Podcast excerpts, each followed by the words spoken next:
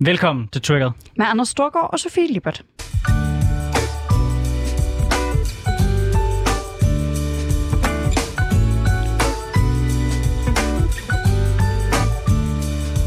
Så er vi tilbage i programmet, hvor vi vender ugens vigtigste politiske historie med gæster, der har skarpe holdninger, store visioner og markante meninger.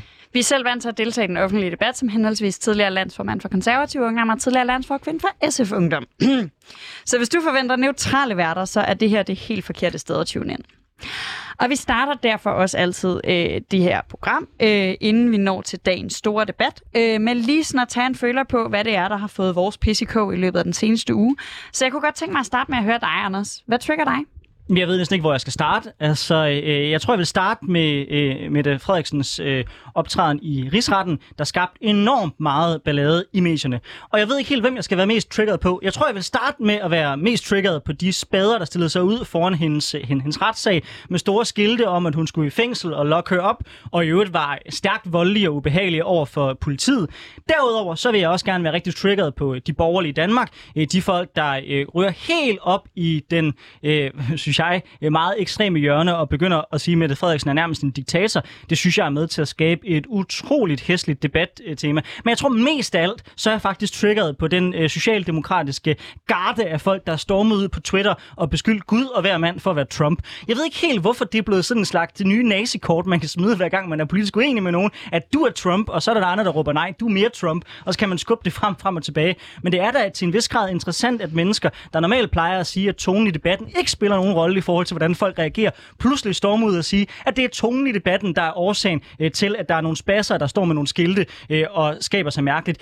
Nej, det kunne måske være, fordi vi generelt set har en sag, som regeringen har ført, der har været problematisk, og som har gjort, at den har polariseret vores samfund. Og ja, spiller nogle borgerlige debattører også en rolle. Ja, dem, der er mest ekstreme af dem, gør det. Men nej, bare fordi man er borgerlig og stiller kritiske spørgsmål i forhold til Mink-sagen, så er du ikke Donald Trump. Og nej, du har ikke en medskyld i forhold til nogle spasser, der står og overfalder politiet. Hvis vi bare grundlæggende nogle gange i vores samfund bare trækket vejret lige dybt, og så snakkede med hinanden, og så sagde, vi kan godt have en kvalificeret, ordentlig diskussion om, hvorvidt der var lovhjemmel og vores retssamfund, og hvordan vi driver lov og orden i det her land, uden at der er nogen, der er Donald Trump. Der er kun en, der er Donald Trump, og han sidder over i USA, og må han øh, blive derovre så længe øh, som overhovedet muligt, og forhåbentlig ikke komme tilbage igen og blive præsident.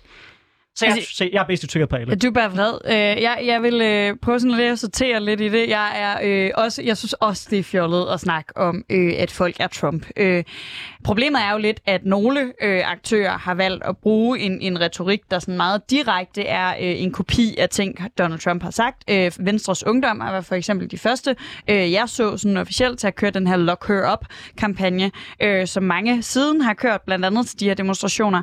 Øh, men jeg er meget enig med, du nåede lige at sige, at der er noget interessant over, at det er de samme mennesker, der plejer at sige, at den politiske diskurs ingen øh, påvirkning har på, hvad ekstremister, eller altså sådan forstået meget bredt, gør. Og det første, jeg tænkte, da jeg så Socialdemokrater i hobetal sige, at det var de borgerlige skyld, det var på øh, Rasmus Stocklund, der sidste år øh, med andre Socialdemokrater var ude at gøre meget klart, at det havde i hvert fald intet at gøre med retorikken i den politiske debat, når en eller anden idiot i Kastrup Havn råbte noget racistisk.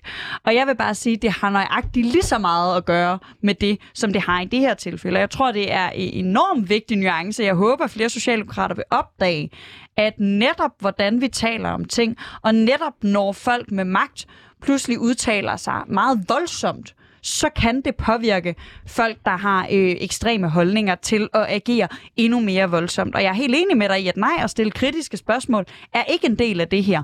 Men at og netop bruge, altså jeg synes Lock Her Up-kampagnen fra Venstres Ungdom er et rigtig godt eksempel på, hvordan nu har Venstres Ungdom jo begrænset magt, men trods alt agerer som en, som, som en øh, der er mange, der tror, at når Venstres Ungdom gør det noget, så har de fået lov til det af Venstre. Mm. Og det er altså med til at, øhm, at polarisere den her debat og, og putte vand på deres mølle. Det, øh, det er det, og det var en dybt usmagelig kampagne fra deres side. Jeg læste på et tidspunkt en artikel, som var ret interessant, som handlede om, hvordan Facebooks algoritmer fungerer. At det er sådan, at man diskuterer faktisk ikke med folk, man er uenig med, man diskuterer med folk, man er enig med om, hvor færdige de andre er, og så er der nogle få, øh, som fungerer som sådan trigger points, der er med til ligesom at skubbe debatten ud i en tangent. Og det er lidt sådan, jeg føler, at alt debat politisk i Danmark efterhånden er blevet. Man tager nogle få ekstreme eksempler på nogle folk, der går over stregen rent retorisk, og så fremhæver man det som et eksempel på, hvordan hele øh, den side, man er politisk uenig med, agerer. Og uanset om det er indvandringspolitik, eller om det er her i forhold til Mette Frederiksen, så synes jeg bare, man må, man, man må fastholde, at fordi nogle få yderfløjsfolk, de siger noget ekstremt, ja, det er med til at polarisere debatten, men, men nej, hvis jeg er tilhænger af en nogenlunde stram udenrigspolitik, så er jeg ikke racist, og nej, øh, hvis jeg er øh, borgerlig, øh, der synes, at det er problematisk, som øh, Mette Frederiksen har ageret, så nej, så er jeg ikke medskyldig i forhold til nogle spasser, der kaster brosten efter politiet. Hvis vi sådan kan fastholde det inden for rimelighedens grænser, så tror jeg, vi har en mere demokratisk debat. Det, det, der kom meget. Jeg vil bare lige sige også, vi har fået gæster i studiet øh, allerede nu. Det, det er dejligt. Men vi skal lige øh, vi, nå en enkelt ting mere inden. Ja, for nu skal jeg nemlig spørge, hvad trigger dig? Jamen, det der trigger mig, det er, øh, det er jo altid dejligt at stå herinde ved Berlingske Media og snakke om, om den slags ting for tiden. Øh, fordi øh, jeg vil lige tage afsæt i øh, den måde, Michael Dyrby, der netop er øh, stoppet øh, hos øh, BT, som er lige under os, øh, stoppet. Det var blandt andet med en dyb frustration over, at, at han oplevede sig selv som værende den, det var mest synd for.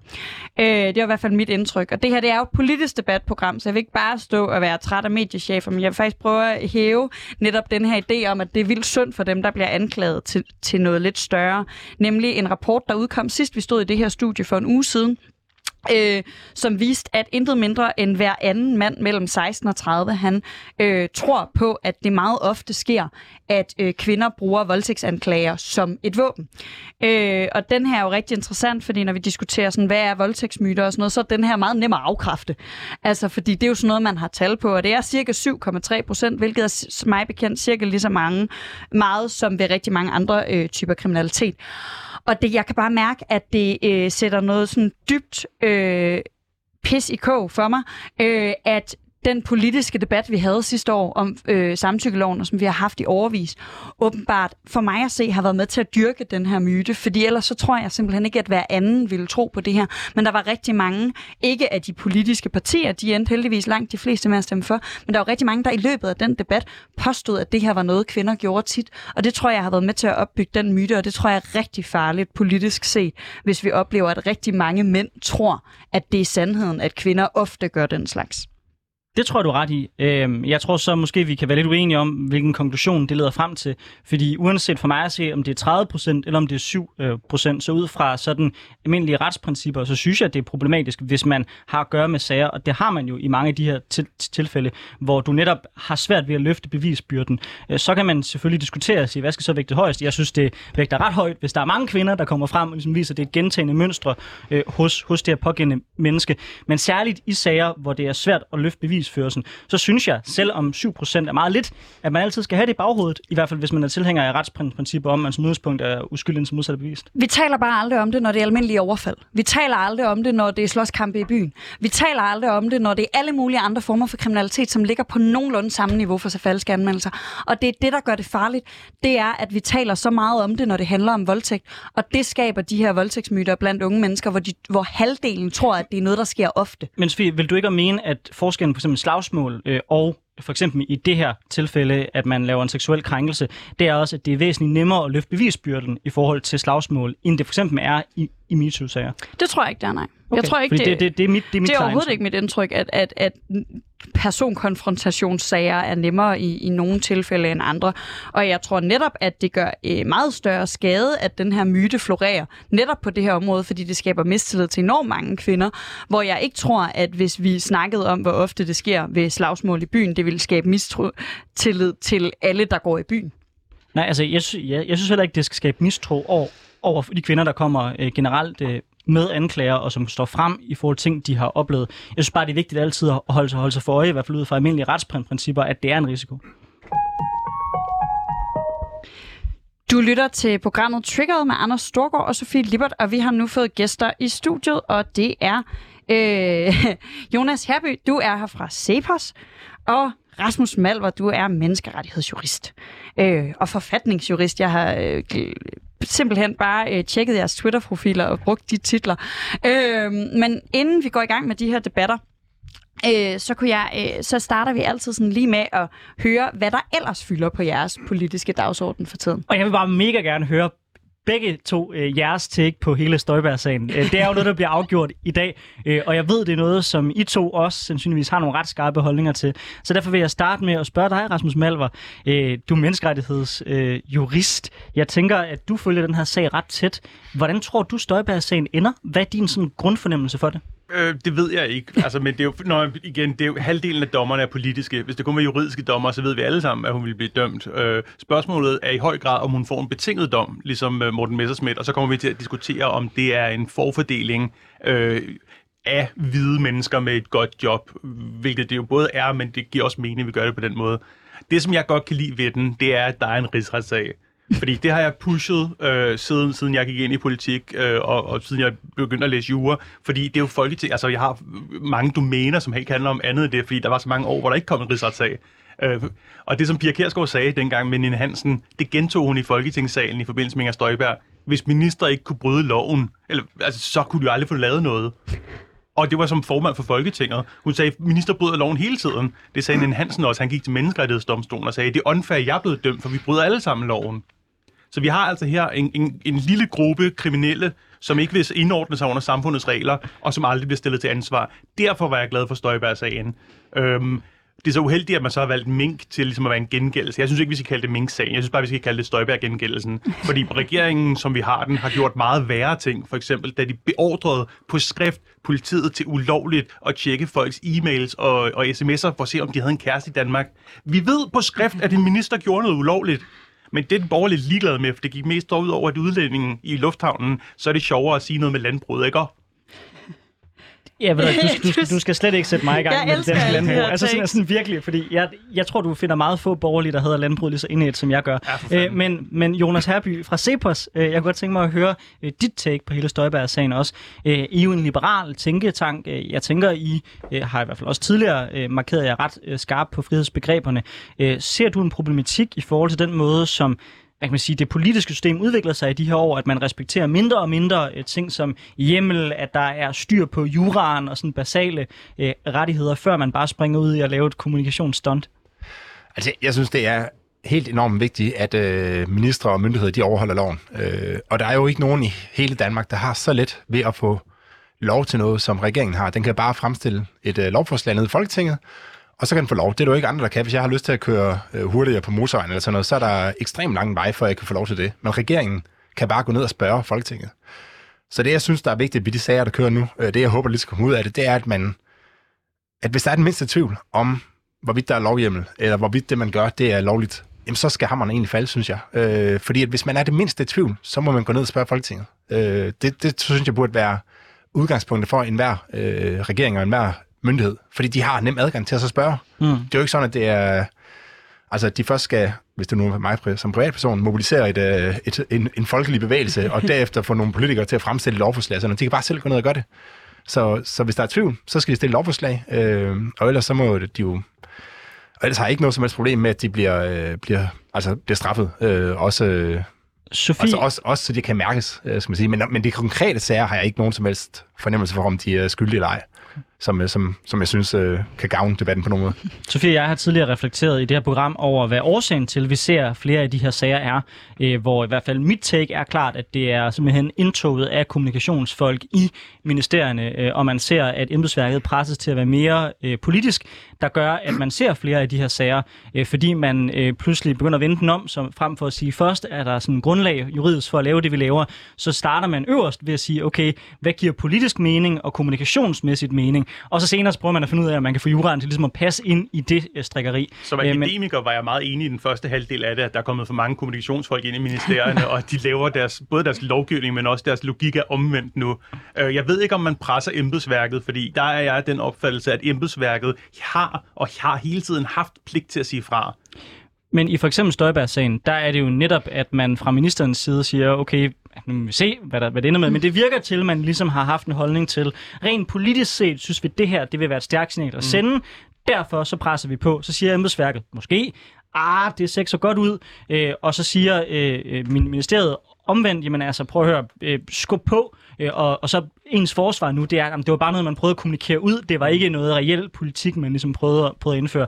Så, så for mig at se, virker det til at være lidt øh, den tendens, vi man ser. Og så er det jo netop øh, embedsværket, der er presset. Så kan man godt have nogle gode principper om, at embedsværket altid selvfølgelig bør sige fra.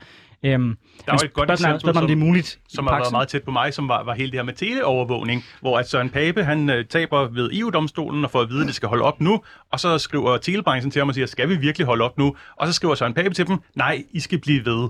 Og det er jo klart ulovligt, det han har skrevet, og der var en embedsmand, som har skrevet øh, svaret for ham. Så Folketinget spørger ham, Søren Pape, i henhold til grundlovens paragraf 53, skal du altid fortælle os, hvad du har gjort. Har du fået en embedsmand? Har, har embedsmanden, der skrev det her brev, sagt til dig, at det ville være ulovligt? Og Søren Pape sagde, og så spurgte de igen, og så sagde han, og han vil stadig ikke svare på det. Så vi ved ikke, hvad der sker.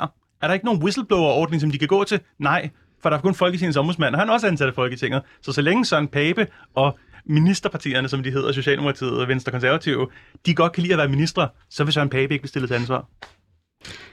Jeg synes, det er sindssygt interessant, den her debat, men jeg tror også, vi sådan, for at det her ikke bare bliver et afsnit om Inger Støjberg, øh, kunne jeg også godt sådan tænke mig øh, at gå sådan lidt i den grøft, vi plejer at gøre lige her.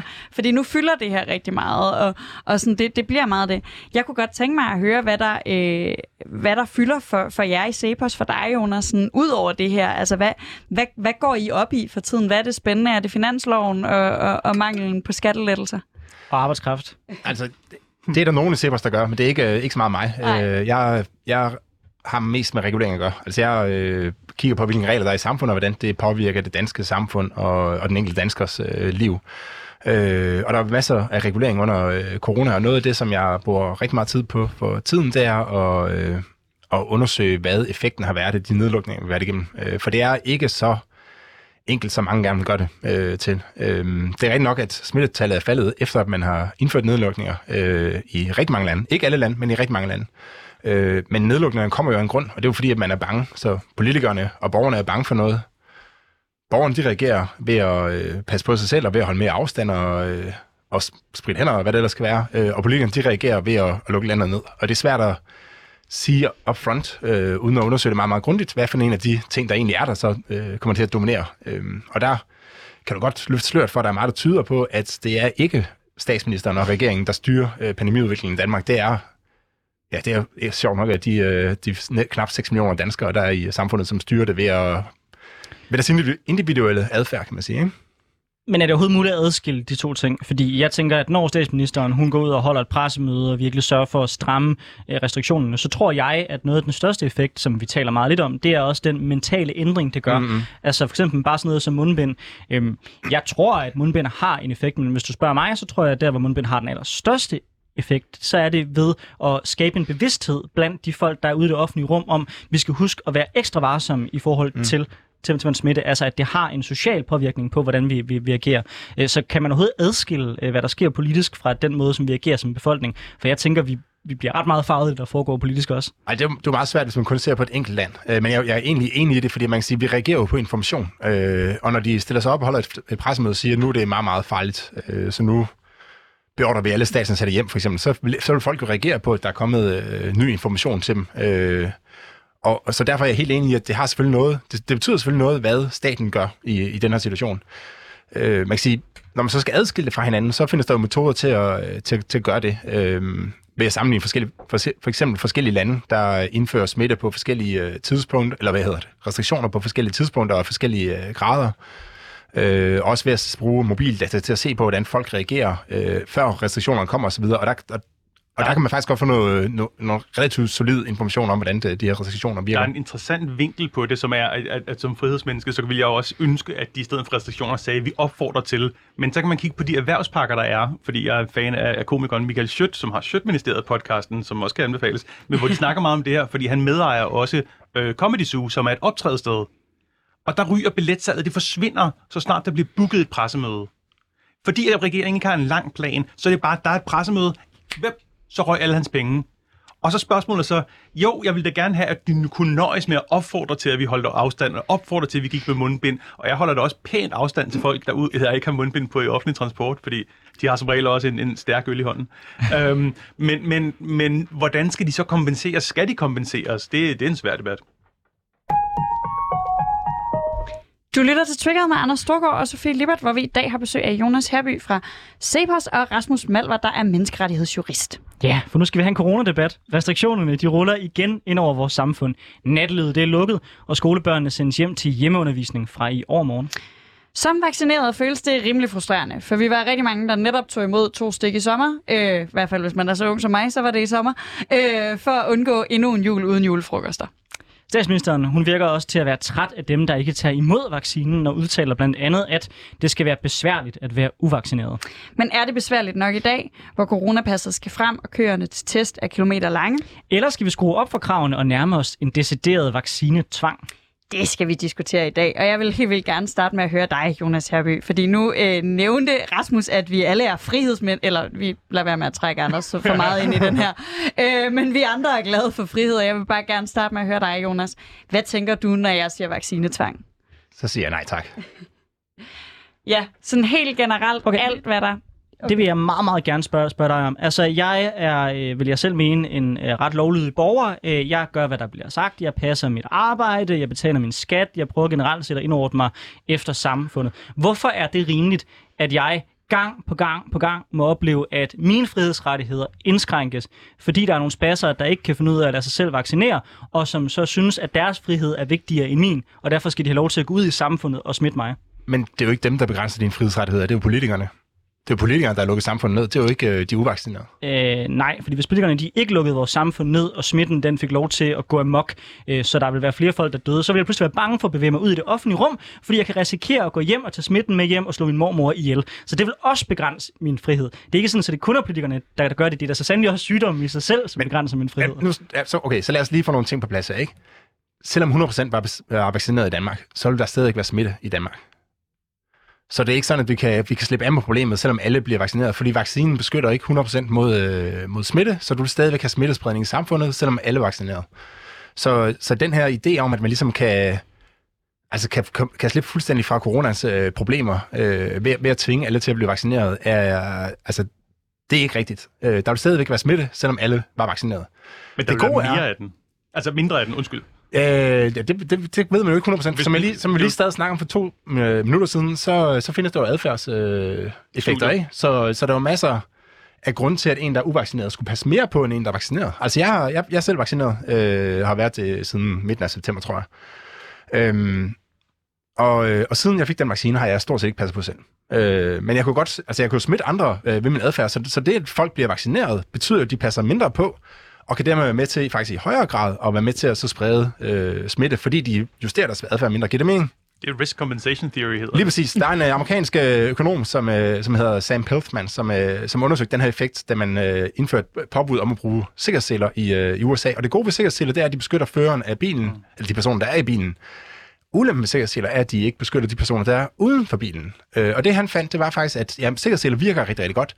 De beskytter den person, der kører bilen mod, øh, mod død og, og, og alvorlige øh, kvæstelser og sådan noget. Ikke? Fantastisk øh, middel, ikke? Men han fandt også, at folk de kompenserede ved, at nu var de mere sikre i bilen, ved at, så, øh, altså ved at køre mere uforsigtigt, kan man sige. Så der var faktisk flere, der kom til skade uden for bilen. Og det er det samme øh, effekt, man egentlig ser, kan, eller kunne, forestille sig ved vacciner. At, øh, at folk, der er vaccineret, Okay. de, de hoster mere, og de øh, holder mindre noget, afstand og som sådan noget. Og, og dermed, og dermed den her, den her fortælling om, at øh, vacciner ligesom er lykken, og det skulle... Øh, altså, det synes jeg er. Ja, men, men det, det, det, at det, det, at meget gerne skulle udfordre fjerne, på, fordi at det altså, da, fjerne da, da, corona er, er, er simpelthen ikke rigtigt. Altså. Da epidemien startede, der hørte jeg Cepos ude og argumentere for flokimmunitet. Altså øh, ideen generelt set om, at sygdommen skulle sprede så meget, øh, at det ville simpelthen kunne skubbe sygdommen væk, fordi at vi alle sammen havde været smittet og derfor havde en naturlig immunitet over for det. Det er vel i bund og grund den samme idé, som vacciner er, bare øh, kunstigt. Altså man sikrer, at så mange af os bliver vaccineret og har en immunitet, der gør, at sygdommen ikke kan sprede sig.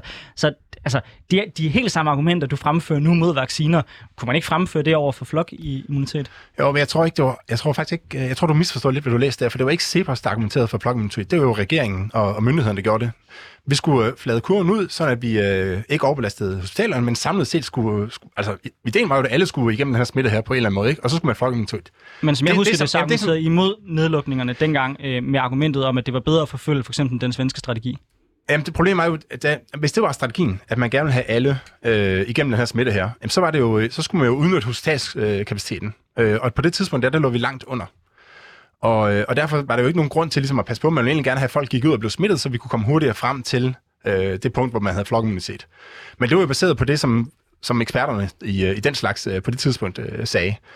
Øh, i dag ved vi jo så, at øh, der er ikke noget, der rigtig tyder på, at vi nogensinde kommer corona til livs. Altså, det er noget, vi skal lære at leve med, og her er vacciner jo et, et sindssygt godt øh, redskab, for det gør jo, at når du på et eller andet tidspunkt bliver smittet med corona, jamen, så vil du få et, eller sandsynligvis få et mildere forløb, end du ellers ville have fået. Og på den måde er vacciner jo glimrende for den enkelte. Men- Men, men- øh, men, men hvis man fravælger vaccinerne, så må man jo leve med de konsekvenser, det nogle gange har, og så kan man godt, øh, altså så er man større risiko for at få et meget, meget alvorligt sygdomsforløb, og, men det, er jo- det er jo en enkelt, enkelt valg. Ej, men, men, men man smitter jo også mere, hvis du ikke er blevet vaccineret. Det gør du, ja. Og, og det er det, der Alt, er alt, andet lige, her. alt andet lige smitter du mere.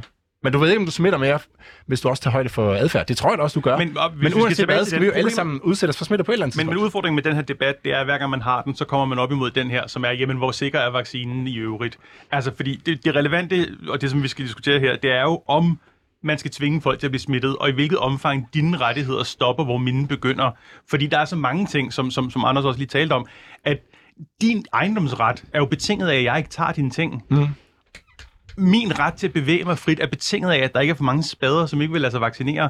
Øh, I forhold til hele det med risk compensation theory, så har man faktisk kigget på det, for jeg fik Johnson Johnson-vaccinen, fordi jeg er nu blevet 37, så jeg ville have været en af dem, der blev allersidst vaccineret, så jeg fik den tidligt. Den har nu vist sig, den virker måske ikke lige så godt som de andre. Men, og der er det store afsnit, og det, man kan gå ind og, og hente den her afhandling, det er ret spændende, udmærket skrevet, er netop, jamen det var unge mænd, som ville være sidst i køen. Ikke? Og jeg tror også, jeg skyndte mig da at tage til Frankrig, da jeg havde fået den, når den virkede.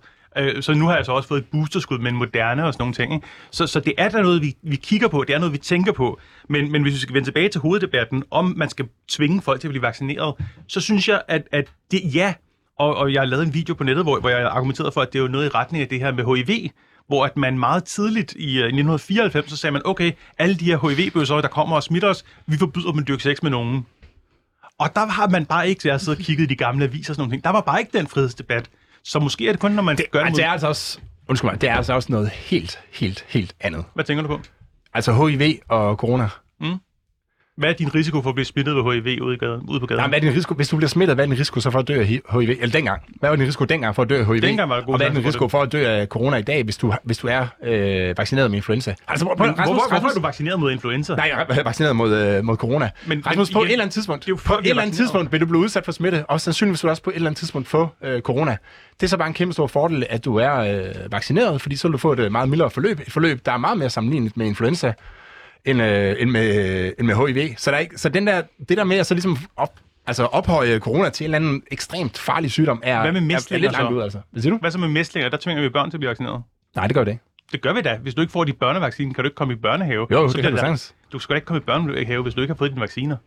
Jeg, jeg ved, at uh, Laura Lindahl, uh, da hun var i LA, hun, uh, hun foreslog, at, uh, at man skulle indføre krav om, at, folk, at børn skulle uh, vaccineres for at være, uh, komme i børnehave. Ikke? Men, det, men det har man altså ikke i dag. Og det blev afvist, fordi det allerede eksisterede, eller hvordan? Nej, det blev afvist, fordi der, altså, det ved jeg ikke, det, altså hun foreslog det bare på Facebook. Så, uh, men det er altså ikke det krav Jeg, i jeg kunne godt Jonas- tænke mig at høre Men dig, faktisk, må jeg lige Jonas. sige noget? Ja. Fordi, det- for lige, lige præcis mæslinger, det er jo faktisk et sted, hvor, du, øh, hvor man kunne udrydde øh, sygdommen. Ja. Ved at så, vaccinere. Så, ja, ved at vaccinere. Så der kunne du faktisk godt vaccinere, og så ville du egentlig potentielt set kunne udrydde sygdommen, sådan at den ikke øh, var her mere. Det, Og man- du tænker, at vi har nok viden om covid til at vide, at det kan ikke ske her? Øh, ja, fordi vi vaccinerne beskytter ikke 100%. Dem, vi har nu. Mæslingemaskinen beskytter, mæslingvaccinen beskytter øh, 100%. Men der kunne du også bare lave det der med smidt folk, ikke? Så havde du væ- væ- nette røde hunde og så sådan noget, ikke? Så havde du en fest med dem, der var smittet. Eller skal Jeg, jeg kunne godt tænke mig at høre, fordi jeg er egentlig øh, øh, for første gang i mit liv, tror jeg, øh, enig med dig, Jonas, øh, langt hen ad vejen. Øh, måske ikke så meget i analysen af, at det handler om vacciner, men jeg er også øh, grundlæggende meget imod, at vi tvinger eller laver pligter til at blive vaccineret. Men der er en ting, der gør, at jeg alligevel er i tvivl, og der er en ting, der gør, at hver gang øh, nogen spørger mig, så trækker jeg lidt på det. Og det er nemlig, at øh, der er nogle mennesker, der ikke kan blive vaccineret. Altså, der mm. findes mennesker, der af den ene eller anden grund ikke kan tåle at blive vaccineret. Og så længe der går en masse andre uvaccinerede, som har valgt det helt frivilligt ikke at være vaccineret rundt, så vil øh, smittespredningen højst sandsynligt være større. Mm. Og de mennesker, der ikke har muligheden for at blive vaccineret, de giver mig lyst til at overveje vaccinetvangen, fordi jeg synes, det er så voldsomt, at nogens fikse idéer om, at de ikke skal have vaccinen, ender med at gå ud over nogle mennesker, der ikke kan få den, som gerne vil have den.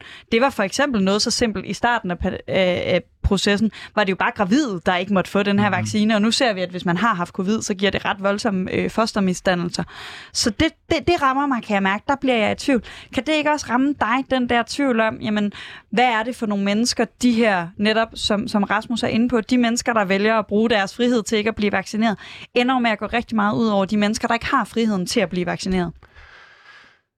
Øh, altså, jeg kan sagtens forstå, hvad du, øh, jeg kan sagtens forstå din bekymring. Øh, og der er jo masser af ting i samfundet, hvor man tænker, at... Øh, altså, hvorfor har vi egentlig det her, når nu der nogen, der er ekstremt allergisk overfor det, for eksempel? Altså, hvorfor er det egentlig, vi tillader nødder? Øh, når der er nogen, der kan nærmest skal dø af at kysse med en, der, der har spist nødder, ikke? Øh, og, og, og sådan er der jo masser af ting. Der er, ma- der er masser af mennesker, der lever anderledes liv, end det, som vi fire herinde i studiet sandsynligvis gør, ikke? Øhm, hvad var det så hvad? så jamen, jamen, kommer det ikke til... Øh, en ting er, når Rasmus siger, at det begrænser vores frihed, Nå, der går ud men det. dem, der ikke kan ja. blive vaccineret. Derudover, så, også, øh, men derudover, verden er jo også nuanceret blandt dem, der ikke vil vaccineres. Altså, der er jo også øh, mange af dem, som... Altså, hvem siger, at det er så nemt for dem, for alle dem? Der er selv nogle af dem, som jeg er enig øh, de burde bare tage den, ikke? For det er nogle wackos på en eller anden måde.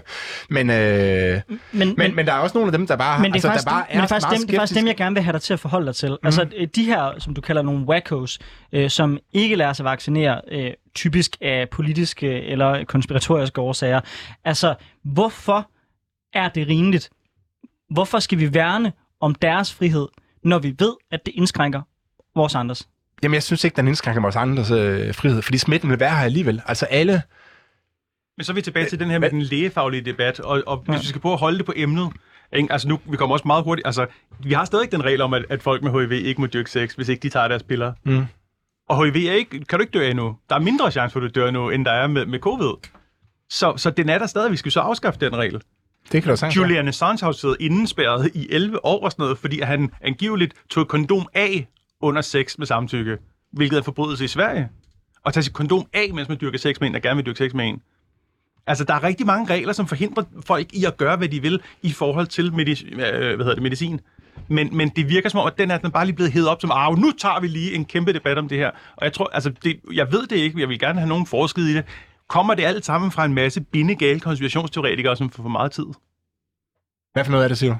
Alt det her med, at folk nu har taget den her op af hatten, som er den store frihedsrettighedsdebat. Øh, Altså, jeg tror, jeg tror det er sagtens, man kan forestille sig, at fordi corona har fulgt så meget, at så er der mange flere, der har kastet sig ind i den her debat her. Det, ah. det tror jeg da ikke, der er nogen som helst uh, tvivl om. Mens, uh, mens alle mulige andre, altså det ved du jo også, yeah. som jurist, der er jo, der er jo afsindelig mange love, som jeg synes, vi godt kunne diskutere. Ja, det er bare sjældent, det ligesom bliver hørt op, fordi at, uh, det fylder så lidt uh, for, de, for de fleste danskere. Ikke? Men corona har fyldt meget for mange.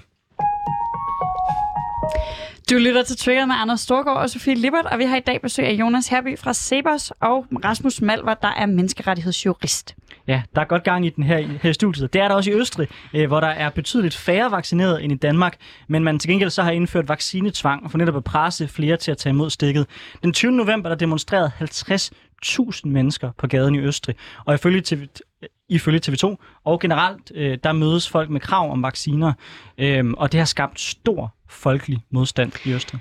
Rasmus Malver, du nævnte det selv, du har lavet en video på Twitter ja. om, at øh, vaccinetvang egentlig ikke øh, krænker nogle af vores juridiske rettigheder, øh, men at måske netop mere, at det er de vaccinerede øh, eller uvaccinerede.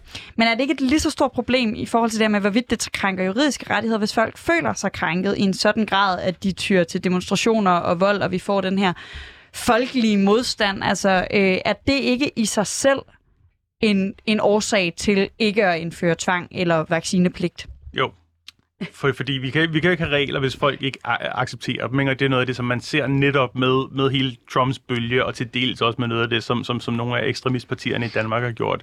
Øh, der var, var, var i spidsen for konservativ ungdom, der, der havde vi jo skattesvig og frihedskamp. Øh, altså, og det er jo selvfølgelig ment ironisk, ikke? Men, men det er heller ikke, altså nu siger Anders, at han betaler sin skat med glæde og sådan noget, det, er, der er nye boller på summen. Ja. øh, men, men, men man er nødt til at have en folkelig opbakning til sine regler. Så det er også derfor, det er svært. Altså, det, og det jeg gik i gang med at lave med research på den video, jeg vidste ikke, hvilket resultat det ville komme frem til. Og så er det så menneskerettighedsdomstolen, som i år har sagt, fordi i Tjekkiet har man lavet sådan, så at, at, øh, at børn skal vaccineres, og man vaccinerer med, med tvang. Hvor i Østrig-modellen, Det er ikke, at man løber ud på gaden og stikker nogen. Det er, at man får en bøde, hvis man ikke får den. Og, man er og så er der så den mellemvejen, som er den her med, du må ikke komme ind nogen steder. Øh, og jeg bliver da også hurtigt draget til den der med, at de må ikke komme ind nogen steder, fordi de mennesker, som ikke har lyst til at lade sig vaccinere, er heller ikke nogen, jeg har lyst til at bruge særlig meget tid sammen med. Nej, men der, der kan man så kigge til Luxembourg, hvor at, øh, de blev nægtet adgang til et julemarked, og der så mødte øh, rigtig mange mennesker op, der ikke var vaccineret, Det det. og med vold og tvang øh, simpelthen brasset ind i det der julemarked. Det minder jo lidt om starten altså, på hele pandemien, ikke? hvor du har ja. Ja. en fodboldspiller, som, som kommer til noget, og så hører altså, ting, hvor han så rører ved alle mikrofonerne, og det ender med at blive sådan en super spreader event. Fordi vi ved ikke helt, hvad det er, vi har med at gøre. Øhm, og, og, og det er jo svært, altså når vi har de her mennesker, og det er jo ligesom i, vi snakker om i starten med, med, med Støjberg, folk der står ude foran og banker på, på statsministerens bil og sådan nogle ting. Ikke? Øhm, jeg, jeg har ikke den, den, den, den endegyldige løsning, men, men jeg ville, hvis jeg stod i spidsen for landet, så ville jeg lave den med at lukke for adgang for folk, der ikke er vaccineret. Ja, fordi som jeg forstår det, så altså, du vil gerne testet. udvide coronapasset, ligesom så det Ja. gælder flere steder. Ja. Fordi jeg kan, jeg kan huske, da jeg så pressemøde, der var der en journalist, der spurgte, øh, da vi ligesom genindførte coronapasset, der var en, der spurgte, om det skulle være offentlig transport. Mm. Og jeg var straks sådan, hjælp, hvordan skal der stå nogen i 5C og tjekke, om jeg har et coronapas med? Det tænker jeg, at de der, hvad hedder de, øh, dem som alligevel tjekker billetter, kan gøre. De er At- super fine. Så det er også sådan en stikprøvekontrol i virkeligheden. lige præcis. Det vil jeg rigtig gerne have. Øh, problemet med den, og det er, jeg er aktiv i et hackerspace, som hedder Labitat, hvor vi gerne vil gøre, når vi, vi er meget for videnskab og sådan nogle ting, så vi følger det. Og der har vi diskuteret meget, hvordan gør man det her, for vi gider heller ikke være politimanden, der står og, og, og, og fører kontrol. Det ville være rart, hvis, og det er ikke kun vaccinepasset, jeg mener selvfølgelig også, at dem, der ikke er blevet vaccineret, de må så bare blive testet, og så kan vi diskutere, om de måske skal betale for det selv. Men, men, men hvis man har, altså lav dog den der fucking stregkode, sådan, så den kan læses med et eller andet open source software, så folk, så virksomheder i højere grad selv kan lave det her. Jeg kunne nemlig godt tænke mig at høre, fordi det her det er jo en, en ret stor udvidelse af, af coronapasset, og, og nogle af de her ting, når vi siger, når jeg sagde vaccinetvang i starten, så tror jeg nemlig, når man bruger det begreb, så forestiller man sig, som du sagde, nogen, der kommer løbende ud på gaden og stikker dig, øh, og Østrig er så gået mere med bødemodellen. Øh, men jeg vil jo netop også mene, at ej, de model, så længe man stadig kan blive testet, er det jo ikke en vaccinetvang. Hvad tænker du om coronapasset, Jonas? Er det, er det, øhm, er det et redskab, vi til gengæld godt kan bruge, eller hører det med ind under din forståelse af, hvad der er for meget tvang? Altså, jeg, jeg, synes, at jeg synes, hele diskussionen her er meget, meget mærkelig, fordi man, man har folk til at... Man, Rasmus sidder og siger, at øh, vi skal tvinge folk til at øh, vaccinere sig på en eller anden måde. Øh, men jeg tror, vi alle sammen her i studiet er enige om, at vaccinerne virker. Og, og pointen med vaccinerne er jo lige præcis, at når du så engang bliver udsat, udsat for øh, smitte, jamen så vil du øh, få et mildere forløb, end du ellers ville have fået. Øh, og så burde alle jo bare være glade. Og man siger, dem, der så ikke er øh, ikke vil vaccineres, jamen de får så bare et øh, hårdere forløb, end de ellers ville have fået. Men før eller siden vil de jo også være immune.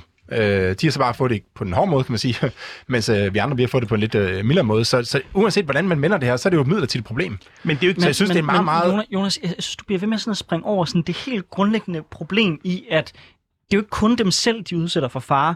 Det er jo også andre mennesker. Vaccinerne er ikke lavet til at få et så, mildere forløb. Så er du ret i, at jeg får et mildere øh, forløb. Jeg vil gerne helst slippe for at have det forløb. Jamen, det, det kommer, Anders, prøv at høre, det kommer du ikke til. Okay, Du, før men- eller men- siden vil du få corona. Øh, det, det tyder alt altså på, at øh, den, den her smitte vil være i samfundet, den vil komme tilbage øh, løbende fra vinter til vinter, og før eller siden vil du få corona. Det gode er så, at, øh, at du vil få et relativt øh, mildt forløb, og det vil nok blive Men mildere og vi- mildere efterhånden, som du får flere og flere, øh, altså jo, Men- jo flere gange bliver udsat for det. Øh, men, men, men corona vil være her ligesom alle mulige andre. Altså der er masser af coronavirus, der øh, florerer i øh, samfundet, som, som, for, som i dag bare er almindelige forkølelser. Ikke? Men kan Øh, vi dokumentere, at det er et mildere forløb? For det er jo ikke det, vaccinen er lavet til. Vaccinen er lavet til at stoppe smittespredning. Nej, nej, nej, nej. Vaccinen, det, det vi vaccinen primært gør, det er, at den forhindrer, at folk de dør og ender på hospitalet. Nej, den forhindrer, at, at coronaen kan, kan binde sig på de proteiner, som der er i kroppen, sådan så at du ikke har den, så du ikke bærer den med til den næste. Det er derfor, og jeg ser det hele tiden på nettet, ah, men det er jo bare sådan, så man får det mildere. Sådan. Det er jo ikke en hovedpinepille for fanden. Den er jo lavet til, det er en mRNA-vaccine, den, den går ind, og så tager den og laver de her receptorer på proteinet, så covid ikke kan binde sig til den. Og nu er der jo så også, vi, Sofie nævner den her med, at folk, som så bliver gravide, har større chance for så at, at få et, et, altså et, et forfærdeligt øh, resultat ud af det. Så, så, så der er jo noget her. Ikke? Ja, hvis vi ligger til grund, at det er noget, som for evigt vil være her, så lad os have den diskussion, men det er ikke det, der er i virkeligheden. Nej, og vi er også, jeg er også en smule inter... Altså, hvis du, vil jeg sige noget? Hvis, du- hvis man kigger på data, så kan man jo se, at den beskytter langt bedre mod øh, indlæggelse og død, end den gør mod, øh, mod smitte. Så, så på den måde er det Men du ikke... tester jo heller ikke for smitte. Hvad siger du? Du, du, du tester jo heller alle de vaccinerede. Der er, som du selv siger, der er rigtig mange af dem, som bare ikke bliver testet. Jamen, men, Så derfor har vi ikke data på at sige, at den ikke beskytter mod det. Jonas, altså, okay. Som jeg hører øh, Sundhedsstyrelsen, som jeg tænker er det mest objektive organ mm. i det her spørgsmål, så er formålet stadigvæk med at vaccinere folk, også at vi er gået i gang med at vaccinere børn nu, at det får andelen af vaccineret så højt op, at mm. de kan holde smitten fuldstændig ude. Altså at det er for svært for smitten at kunne finde nye steder at sprede sig til. Der er også et mildere forløb, det har du ret i, men, men jeg ved ikke, hvor du har de der tal Jeg- fra, jeg- jeg ikke om, at, om, at, om, at, om, om, at, om at det bliver umuligt for os at forhindre, at vi alle sammen bliver, bliver smittet.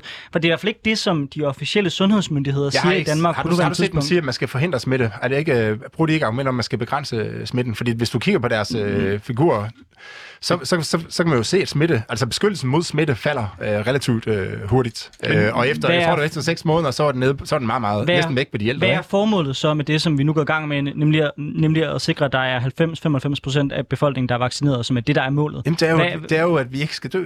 altså, det hvorfor bliver du vaccineret? Er det for... Øh, det, altså, formålet er det, vaccineret, at vi ikke skal dø, når vi andre. får corona. Jeg, jeg, nej, mit formål med at blive vaccineret er, at jeg ikke smitter andre. Det er derfor, og, jeg, altså, og, når en af mine venner, har, som er vaccineret har fået den og sådan nogle ting, så har jeg da også isoleret mig selv i to uger, fordi det, det, det, det er jo det, man gør som et ordentligt menneske. Men lige den her med, at, at det får begrænset smitten i stedet for at forhindre smitten, der bruger du ord, som bruges om populationen, om enkeltpersoner. Man siger, at man vil gerne begrænse smitten i samfundet, mm. men man vil forhindre den for en person. Så formålet med vaccinen er at forhindre den for en person. Det, man kan blive smittet med, det er nye varianter, fordi man har det her spike-protein. Så spørgsmålet er jo så her bare, det er klart, Ja, det er simpelthen forkert. Det er simpelthen forkert. Altså, vaccinen beskytter ikke 100% mod smitte. Det gør den ikke. Nej. Så uanset om du vaccinerer alle i samfundet, så vil smitten stadigvæk kunne sprede sig i samfundet. men den vil meget svært kunne sprede sig, hvis der ikke er nogen vej ind. Jamen, jeg mener, at der ikke er nogen vej ind. At hvis, hvis jeg går hvis vi nu- alle sammen er 80% dækket, så er så, så, fordi det er jo ikke sådan, at alle folk, du kommer i kontakt med, at det er folk, du du er en smitter. Så jo flere, der er vaccineret, som så har en beskyttelse på, lad os sige, 60-80%, hvor meget det, det så er, desto sværere er det for virusen at finde Det- et sted jamen, at det- det smitte, rigtigt, det og dermed vil den på sigt dø ud, for den kan ikke finde nye hosts. Nej, det, det, det, det, det, det, er simpelthen ikke rigtigt. Det er Hvor er det, du har det fra, at den vil altid være her, og vi vil alle sammen blive smittet en dag? Jamen, du, det kan du kigge på data for sig. Jeg kigger på data, men vi har, jo, vi har jo ikke haft den i mere end to år, så du kan, jo ikke, du kan jo ikke sige, at der er data på, hvordan den vil være i fremtiden. Hvis vi kunne forudse fremtiden, så skal jeg da ned og købe mig en lotto-kupon. Der er ikke nogen data, som viser mig, hvad den bliver. Jeg kan Altså, sige, hvilke tal, der oftest bliver trukket, men jeg kan ikke fortælle dig, hvad de bliver på lørdag. Jeg kunne godt tage... Jeg, jeg er Må helt lige sige noget? Må lige sige noget? Vi har, haft, vi har haft en meget, meget effektiv vaccine mod mæslinger i meget, meget lang tid. Mæslinger findes stadig. Altså, vi har ikke, det er ikke lykkes at så, at så vaccinere os væk fra, øh, fra mæslinger. Og ved du hvorfor? Fordi at der er store dele af den tredje verden, hvor vi så ikke har givet mæslingevaccinerne. Så det kunne måske tværtimod være en cue til, at vi måske skulle se i en helvedesfart at få vaccineret også den verden. tredje Men verden, det kommer ikke så der ikke bliver med at komme. Det kommer ikke til at ske. Det er jo en umulig Nej, det- logistisk opgave. Det kommer simpelthen ikke til at ske. I hvert fald, hvis man er sådan meget liberal og ikke mener, Nej, at det er, det er ikke. en Det klar er bare- opgave for staten at sikre. Du kan ikke få gjort de der vacciner ud til folk, der bor ude i et eller andet, øh, altså ude på en eller anden ø, ude i en eller anden sø i Afrika. Men Altså, de kommer jo så nok heller ikke ind til os med deres mæslinger. Nej, men prøv at, sygdommen er, pointen er bare, vaccinedækningen ved mæslinger er meget, meget stor. Den er her stadigvæk. i Selvom vaccinen, selvom vaccinen er meget, meget, meget effektiv. Og, og, og forestille sig, at øh, altså det, som I forestiller jer, der kommer til at ske, hvis vi indfører vaccinetvang, det er bare forkert. Du lytter til Triggeret med Anders Storgård og Sofie Libert, hvor vi i dag har besøg af Jonas Herby fra Cepos og Rasmus Malver, der er menneskerettighedsjurist, og øvrigt, som han nævnte tidligere, øh, forretningsudvalgsmedlem i konservativ ungdom. Øh, Det var nok i en, i, en anden tid, men Happy days. Tidligere forretningsudvalgsmedlem i konservative. Ja, den her debat den er, er, er fuld af interessante perspektiver, og på Twitter der skriver Peter Mogensen, der er direktør for fonden Kraka, Covid igen igen. Mette F. siger nu, hun gør alt for at undgå nedlukning. Hvis det er sandt, så bør tvangsvaccinering tages i brug øjeblikkeligt. At de klovne, som ikke er vaccineret, nu har bragt os et sted hen, der ligner nedlukning, er ubærligt. Det her er ikke svært. det har han altså fået en del røg for på Twitter, det her. Og det samme har Jens Rode, der også taler for vaccinetvang. Åh, Men nej. altså, hvis vi ikke tager det værktøj i brug, hvordan skal vi, øh, der har taget imod vaccine, så nogensinde få vores hverdag igen? Altså, jeg ved godt, at det måske er et ret øh, isoleret standpunkt, jeg står med her, og som også vil gøre nogen upopulære. Jeg synes, første skridt, det er at se på netop at begrænse folks adgang til samfundet. Og hvis det ikke virker, ja, så er jeg faktisk decideret klar til, at der til sidst er nogen, der banker på din dør og giver dig en vaccine. Fordi helt, helt, helt ærligt, så mener jeg ikke, at din, at din frihed, øh, den inkluderer retten til at skabe øh, øh, ufrihed øh, for os andre. Så Jonas, jeg vil bare spørge dig, øh, hvis jeg øh, skal have min frihed tilbage og have min hverdag til at blive normal, så jeg kan begynde at tage på Drunken Flamingo til klokken 5 om morgenen, uden jeg skal vente på, at Mette kommer og lukker byen ned. Øhm, hvordan skal jeg gøre det, hvis det ikke er at gå med til vaccinetvang? hvordan kan vi bekæmpe det uden, uden, uden at nå derud? Fordi jeg tror, vi er enige om, at det ikke er ideelt, at vi ender der, om ikke andet. Jamen på et eller andet tidspunkt, så, så dem, der ikke vil øh, vaccineres, så er de jo blevet smittet med corona, og så, øh, ja, så, så er der forhåbentlig ikke nogen grund til for alvor at, at passe på mere. Men ellers så er det jo øh, stadigvæk myndighederne og politikerne, der lukker øh, flamingo, eller hvad du kaldte den. Øh, det, er ikke, det er altså ikke virus, der gør det.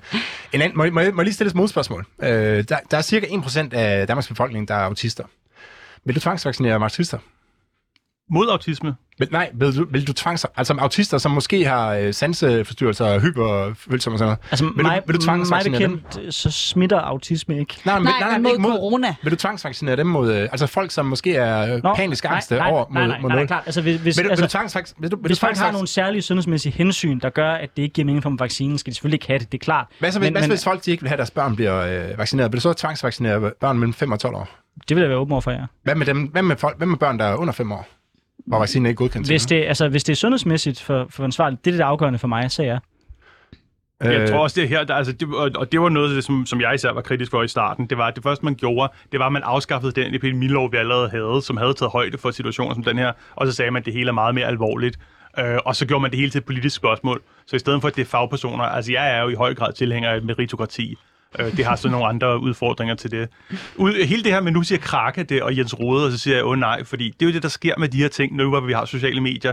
Det er, at folk, som jeg aldrig nogensinde havde lyst til at være enige med, går ud og siger nogle ting, som jeg et eller andet sted var enig med. Så nu begynder jeg at genoverveje det selv. Bare sådan flygte fra det igen. Jamen lige præcis ved Krake for fanden. Det, altså, de er jo Socialdemokraterne, Cepos. Øhm, ja, det, men, men Nej, det er jo lidt mere arbejderbevægelsens erhvervsråd. Jamen, de var der i forvejen. De Krake kom med som reaktion på Cepos, gjorde det ikke? men det er en anden hvor, diskussion. hvor man alting er, uanset hvem der er socialdemokrater og hvor meget de er det, øh, jeg vil også gerne høre dit take på hele spørgsmålet om, om tvangsvaccination. Du har lidt været inde på det. Ja, men, altså, jeg, har jo, jeg har flere venner, som, som er autister, også med, med hyperfølsomme og sådan noget, hvor jeg, at jeg gik med ned og fik dem vaccineret. Altså, så der har jeg jo presset socialt, og det er jo sådan, som den ideelle verden er. Det er, at, at, at jeg tager mine venner med ned og, og, og bliver vaccineret øh, og holder i hånden og sådan nogle ting, og, og hvad der ellers er, er nødvendigt.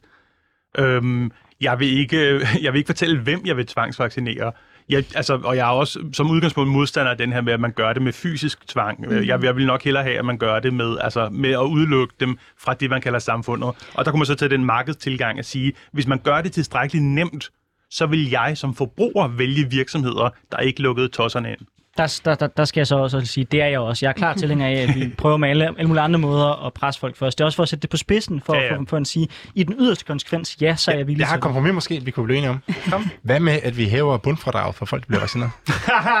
Jeg, jeg, begy- jeg begynder at kunne se potentiale i det her. Jeg ved, jeg, jeg, altså, Øhm, Tag mig, er der noget spørgsmål, hvor Cepos ikke kan få en skattelettelse Jeg tænkte, den for, jeg tænkte Det, forvente jeg er det. med på den. den, den, den øh, Jamen, så ja. længe det er bundfradraget, så er Ja, jeg der også med, er- altså. Der er, en den dyreste. Der er en amerikansk økonom, som sagde, at, øh, at han er for enhver skattelettelse, uanset Ja, hvad begrundelsen er. Uanset hvorfor vi tager den ind.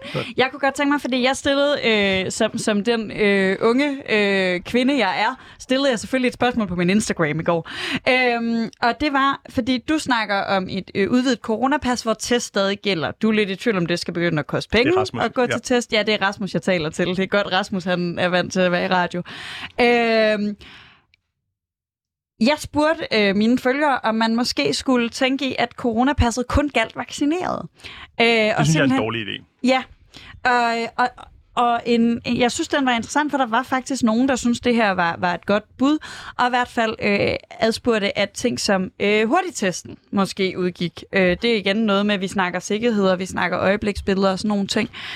Øhm, men, men i din model, der skal man stadig have mulighed for, at, eller i din verden, det er Ja, ikke det fordi, vi sådan jeg- skal lægge model Nej. på bordet hver, men der, der er din ambition ikke, at vi på den måde skal tvinge vaccinen, hvis bare folk er villige til at rende i det der testcenter hele tiden. Ja.